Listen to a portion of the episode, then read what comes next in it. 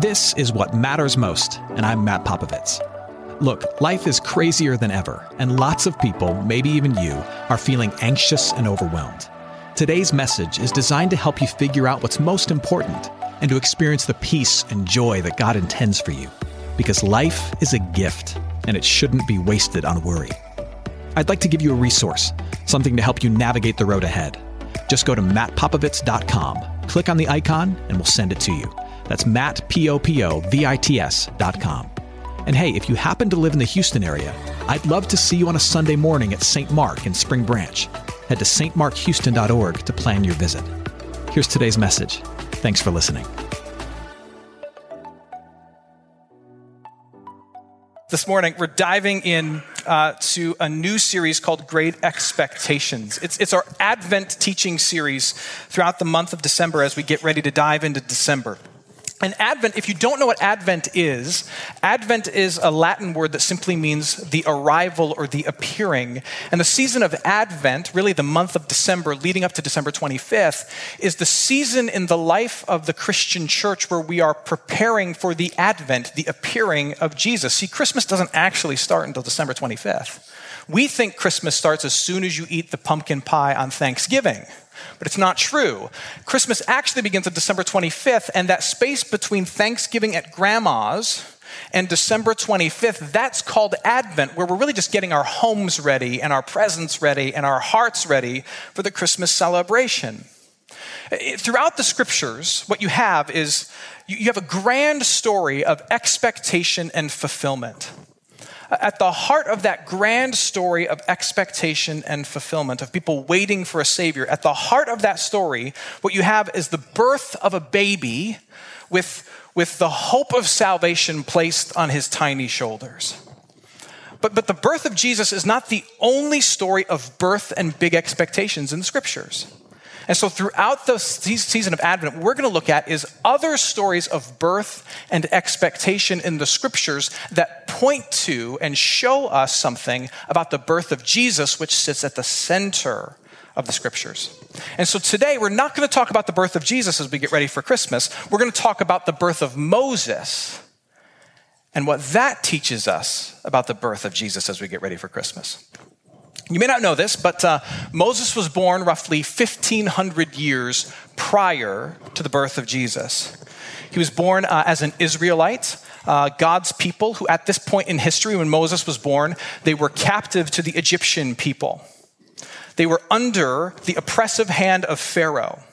And Pharaoh was threatened by the Israelite people, even though he had them in captivity, even though the, the Israelite people were his slave class of people. He was threatened by them. He was threatened by them because they were incredibly um, smart, they were passionate, and they were really productive, which means they had a ton of babies. And he was threatened by the fact that they were churning out so many children. He was worried that at some point they would vastly outnumber the Egyptian people, rebel against their Egyptian captivity, and overtake Egypt. And so he issued a handful of really terrible decrees. Exodus chapter 1. The king of Egypt said to the Hebrew midwives, one of whom was named Shiphrah and the other Puah, when you serve as a midwife to the Hebrew women and see them on the birth stool, if it is a son, you shall kill him. But if it is a daughter, she shall live. Going on, Pharaoh commanded all his people, Every son that is born to the Hebrews, the Israelites, you shall cast into the Nile, but you shall let every daughter live. So, this is the context that Moses is born into. Moses is conceived and born into an oppressed class of people. The Israelite people were serving as slaves in Egypt. He's conceived and born with a death sentence upon his shoulders. Pharaoh, the king, who is oppressing his people, has declared that the firstborn son of every Hebrew, every Israelite needs to die. And guess what Moses is? He's the firstborn son of a Hebrew. But not only that, Moses is the product of kind of a shady relationship and a questionable marriage, the kind of relationship that God would later explicitly, explicitly label as sinful in the book of Leviticus. You see, it doesn't say in the book of Exodus, but if you read further, Moses' parents really shouldn't have been married. You see, Moses' dad married his aunt.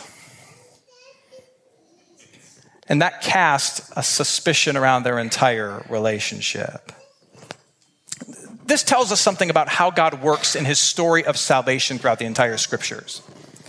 The heroes in the history of God as he tries to save his people, the heroes in the history of God, all of them, all of them have unlikely and undesirable origins. Moses certainly does. And so does Jesus. Moses' birth was, was crafted by God not just to rescue the Israelite people from slavery, but also to point us toward and give us a glimpse of Jesus, the ultimate rescuer who would come. See, Moses was born into a world where God's people were oppressed, but so was Jesus. Jesus was born into a world where they were God's people, the Jews, were oppressed not by Pharaoh in Egypt, but by the Romans in Jerusalem. Jesus was born with a death sentence on his shoulders at a time when Herod, the, the Jewish leader who was appointed by Rome, feared that a leader would rise up out of the Jews and threaten his leadership, where Herod had ordered every young male child, every young Hebrew child in the vicinity of Bethlehem to be murdered. Not only that, Jesus was born not just with the death sentence from Herod hanging over his head, but knowing that the Father in heaven had ordained that he would live and then die on a cross. And Jesus was born with shame cast upon his parents. Mary was pregnant apart from her fiance Joseph. And although she was innocent of every wrong, being with child by the miracle of God, there were no doubt that there were whispers that occurred and questions in Joseph that lingered. When Moses finally arrived, his parents cried out in fear, knowing that their son would likely die. When Jesus arrived, Mary cried out in the cold with no midwife or mother around, giving birth in the back alley of Bethlehem. Neither Moses nor Jesus have the type of beginning that you would expect a hero to have.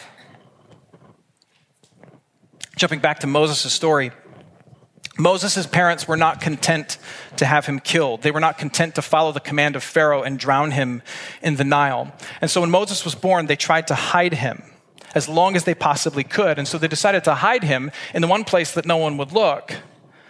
They hid him in the Nile. They hid him in the river where they were supposed to drown him.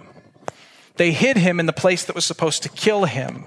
And his parents attempted to use the river as a means to save him.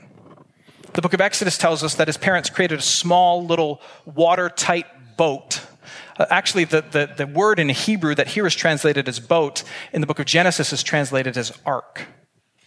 They created a mini ark for Moses, and they would put him in it when he needed to be in it, when he was crying and maybe he'd be found out, or, or, or maybe when the, the Egyptians were going to sweep the Israelite camp and search for young children, they would easily be able to run to the riverside among the reeds, place Moses in this little watertight ark, and leave him there for as long as needed so that he would be safe. It was a crazy plan trying to hide your kid in a little homemade boat in a river so that they won't have to be found and drowned in the river by Pharaoh. It's kind of a desperate plan. But, but Moses' mother was, was just one of thousands of mothers who was trying to find a way to keep their son alive. She was one of thousands upon thousands of Israelite people who were longing for a day when they didn't have to do things like hide their sons so they didn't have to drown them in the river. She was one of thousands upon thousands of people who was trying to escape a genocide and longing for a day when the horrors of living in slavery in Egypt would cease. Moses' life is meant to mirror and point to Jesus' life.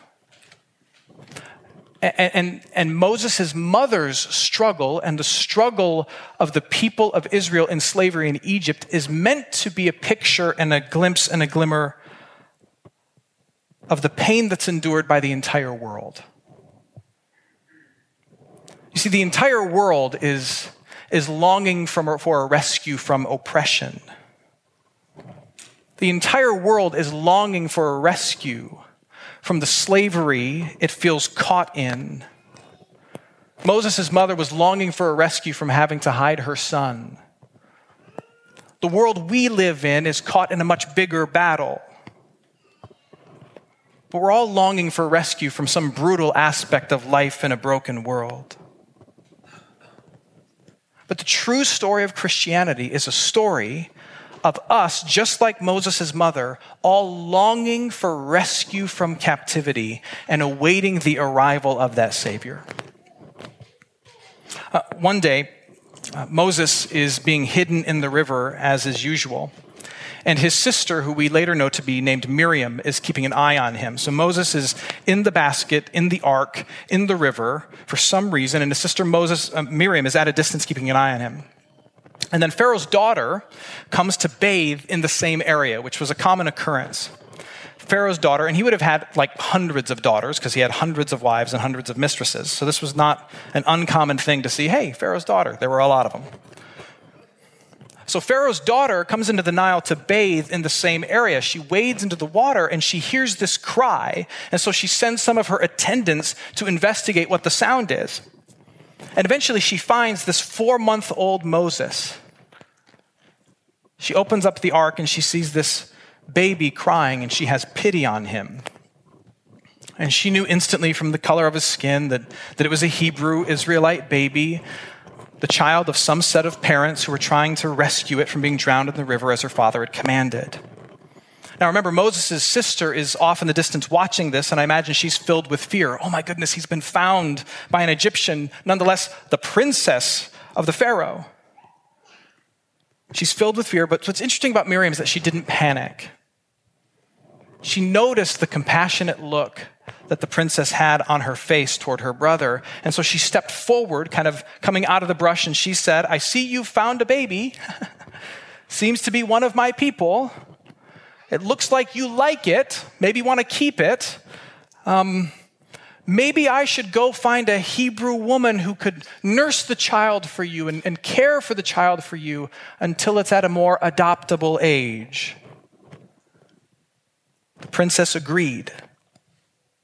And guess who Miriam went to find? Miriam went and found her own mother, Moses' mother, who was hired by the princess to nurse and care for the child. And this is an agreement that would have lasted probably five or six years or so when the princess would officially adopt Moses as a grandson of the Pharaoh. Now, what I can't imagine is the, is the angst inside of Moses' mother at this moment.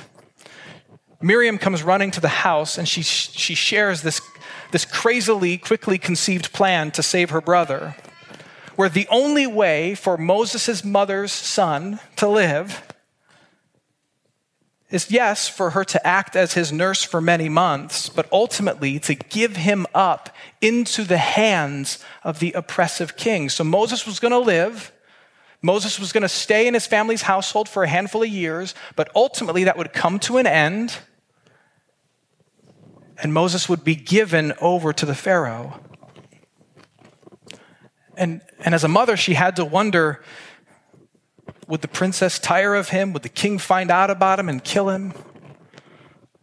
Would her son, once she hands him over to the Pharaoh, would he, would he be corrupted by the king and hate his own people and hate the family he came from? There was no way to know. But the only thing she could do is if she wanted her son to live, if she said no to this plan, that boy was going to get drowned in the river. The only way for her son to live was to let him go and to put him in the hands of the enemy. So, where will you be spending Christmas Eve? Hey, it's Pastor Matt, and if you're in the Houston area, I invite you to join me at St. Mark Houston for one of our three Christmas Eve celebrations. Each will feature the music you love, a message from me, and carols by candlelight. For more information, head to stmarkhouston.org. If you can't worship in person, then join us online. We'll be streaming a special celebration all day online at htxchristmas.com. And now, back to today's message. Moses will spend the next 40 years of his life in the home of the enemy, growing up in the home of Pharaoh.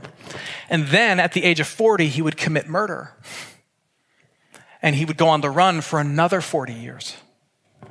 And then it's only then in his 80s where he would receive a call from God to leverage his Egyptian connections and his Hebrew roots to try and lead God's people out of slavery in Egypt. But think, this is the, state, the status of Moses. He's 80 years old, he's estranged from his family. He's a misfit and a murderer. And it's then at 80, as an estranged, orphaned, misfit murderer with shame on your soul and a confused identity in your head and a body that's failing, it's then that God says, Oh, you are perfect to lead my people from slavery. So here's another thing we learn about how God rescues his people. we so first, first thing I said is um, that the whole story of salvation is a story of people being rescued from oppression. You see it in Egypt. You see it for all people through the oppression of sin, death, and chaos in this world. But how does God do this? God does his work of rescuing people in moments of weakness and through people of great weakness. This is how God works. He does his greatest work in moments of weakness and through people of great weakness. You see, God doesn't teach or transform and save through strength. God always does it through struggle. We see that with Moses, and we see that especially with Jesus. The Savior God sends to free the world from its oppression isn't a rich king or someone oozing charisma. No, he sends his own son as a poor son of Mary who would be rejected by many and hated by most. This is how the prophet Isaiah describes what Jesus would be when Jesus finally arrives. Isaiah 53 says this He had no form or majesty that we should look at him, no beauty that we should desire him. He was despised and rejected by men, a man of sorrows and acquainted with grief, and as one from whom men hide their faces. He was despised and we esteemed him not. Surely he has borne our griefs and carried our sorrows, yet we esteemed him stricken, smitten by God, and afflicted. But he was pierced for our transgressions, he was crushed for our iniquities. Upon him was the chastisement that brought us peace, and with his wounds we are healed. When Jesus arrived, his teachings would rattle the rebels he came to save, and the world would kill him. And he would save the world not through victory, but by losing. When God rescues people, it's by losing at the hands of the people. He would save the world by dying like a criminal at the hands of the world, and in that death, paying for all the evil in the world. And in his rising from the grave, proving his power over the world, and proving the power and the fear in the world to be temporary and tameable by him. And just as all those who were willing to follow the 80 year old orphan turned murderer named Moses out of Egypt would end up free, all those who are foolish enough and faith filled enough to believe in and follow a 33 year old carpenter turned teacher who was homeless and hated by many, who was murdered on a cross but miraculously rose, they too, we too, are made free from our slavery, free from punishment of sin, free from fear of death, and free from the chaos of the world getting the final say over our lives. But it's not the type of rescuer we would dream of. You see, when most conceive of a rescuer who's going to free you from slavery, we don't think of a slave being sent down the river. We don't think of an infant wrapped in swaddling clothes. But that's how God works. That's how God saves. God does his greatest work in you when you're at your lowest moment, because that's when you're most ready to receive it. And God does his rescuing through the lowliest of people, like Moses like Jesus. Those who ultimately did follow Moses and, and those who did follow Jesus, uh, they do so for many reasons, but I would argue with you that one of the biggest reasons that people follow Jesus, people follow Moses, is because they saw in Moses and they see in Jesus someone who not only saves them from their pain, but who has joined them in their pain. What made Moses a great leader of God's people out of slavery was not his strength, but in the eyes of the people who knew they were slaves, they saw a person who knew their pain. They could look at him and say, Oh man, he knows what it's like to see your siblings drown in the river. He knows what it's like to watch your dad die in the heat of the sun as you make bricks of straw for an evil oppressor. He knows what this is like. He knows what it's like on both sides. He's a great leader for us. Let's follow him. He knows my pain. And the same is true with Jesus. God the Father sends his son, and he doesn't send a son to be distant from us. He sends a son to walk in our worries, to live in our fears, to travel in our pains, and to be weak with us. He saves a weak people by becoming weak. You do not have a Savior who doesn't understand your pains. You have a Savior who's joined you in your pains and come under the weight of all of them, crushed by them, and risen from them. That's who Jesus is. He doesn't just save you from your oppression, He joins you in it. And He knows it. And He defeats it. The whole Christian narrative is about being freed from oppression. And the stories God tells and the leaders he chooses have unlikely origins, and they rescue us through their own weakness. It was true for Moses, it's true for Jesus. There was a story uh, a newborn baby was left in the manger of a nativity on the inside of a church. Its umbilical cord was still attached, wrapped in um, purple towels purchased at the dollar store down the street. The baby was left there by a mother who's still not been found. And while some were angry at the mother for leaving their child in the church, what we can all agree on is that this mother should, must have been in a very desperate situation. That child is now an orphan.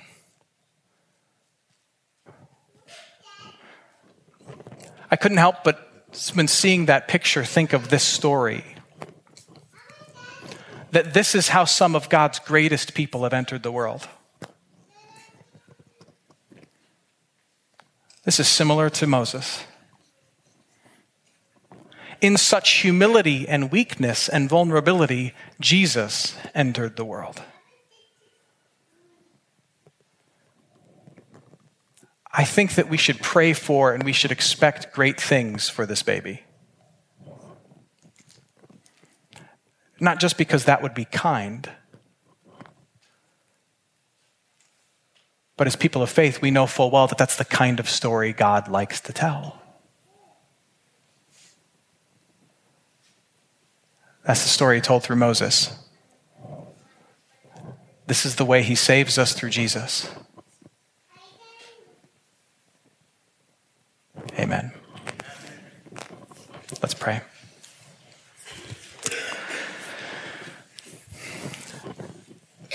Heavenly Father, we thank you. We thank you that you love us. We thank you that you are not far from us. We thank you, Father, that you join us in our weakness through the arrival of your Son we thank you that the story that you're telling in history is one of being freed from the things that make us slaves. Freed from death, freed from sin, freed from the terror of a chaotic world around us. We thank you that you sent us a son who's joined us in our weakness and through his own weakness has conquered all the things that hold us captive. Help us to believe in his humble but effective victory. And help us to look forward to the day when he comes again, not in weakness like a child pictured above, but in strength, establishing the kingdom we all long for in fullness. We ask this in Jesus' name. Amen. Hey, it's Matt. I hope you enjoyed what matters most. Here's what I need you to know life is a gift, and it shouldn't be wasted on worry. I want to help you figure out what's most important and to experience the peace and joy that God intends for you. So, for more content, you can head to mattpopovits.com. That's Matt, P O P O V I T S.com.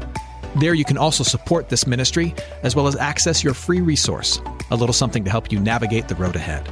I'd also love to see you on a Sunday morning. If you're in the Houston area, head to stmarkhouston.org to plan your visit. In the meantime, hit me up on Instagram at mpopovits or at facebook.com slash Ministries. Thanks for listening. Now go and hold tight to what matters most.